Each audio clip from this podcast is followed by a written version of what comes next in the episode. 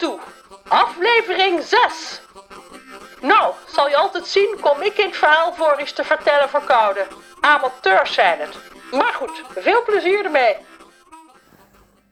Een assistent, herhaalt Ron. Van verbazing gaat hij op één been staan. Hoe bedoel je, eh, bedoelt u? Hij moet van zijn moeder altijd u zeggen tegen volwassenen. Ze bedoelt daarmee zeker ook reuzen met bewegende tatoeages.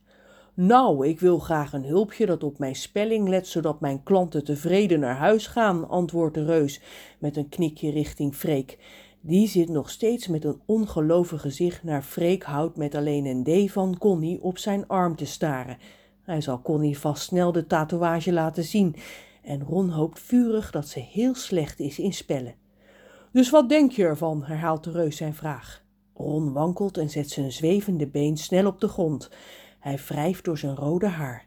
Mensen met rood haar sterven uit, zegt zijn moeder altijd, dus wees er maar trots op dat je zo zeldzaam bent. En hij probeert na te denken. En dat is niet het enige wat je zou moeten doen, gaat de reus verder. Je gaat dan ook mee als ik mijn klanten bezoek die niet zo makkelijk hier langs kunnen komen. Kun je de weg wijzen en opletten dat ik tijdens het tatoeëren niet per ongeluk de verkeerde kleur gebruik. Die jongen mag nog helemaal niet werken. Het is Freek, die opstaat uit zijn stoel en met driftige bewegingen zijn mouw naar beneden rolt. Hij is veel te jong, dat vinden zijn ouders nooit goed. De reus kijkt teleurgesteld. Mag dat niet? Sinds wanneer niet? Sinds al heel lang niet, antwoordt Freek, terwijl hij over zijn overhemd een gele regenjas aantrekt. Maar ik moet nu echt gaan, anders kom ik te laat op mijn vergadering. Ik betaal je later wel. En met harde passen stommelt hij de trap op en dit verhaal uit. De reus kijkt Ron aan.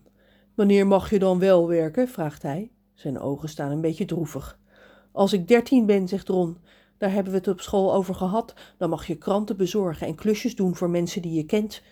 Hoe oud ben je? vraagt de reus. Ik ben pas tien. Ron klinkt net zo teleurgesteld als de reus. Nu hij weet dat hij zijn assistent kan worden, wil hij dat het allerliefst. Misschien nog allerliefster dan een tatoeage. Maar jij kent mij nu, zegt de reus. Dat wel, maar toch kan het niet, antwoordt Ron. Beiden zwijgen een poosje. De reus zit met afhangende schouders op zijn stoel en Ron staat voor hem, terwijl hij nog steeds door zijn haar wrijft. Ik moet iets verzinnen, denkt hij. Kan ik niet net doen alsof ik mijn oudere broer ben, die precies op mij lijkt en klein is voor zijn leeftijd? De zeemermin op de wang van de reus begint opeens wild met haar staart te spartelen. En als Ron dat ziet, wrijft hij nog harder door zijn haar. Ik blijf maar dingen zien die er niet zijn. Hij knijpt zijn ogen dicht.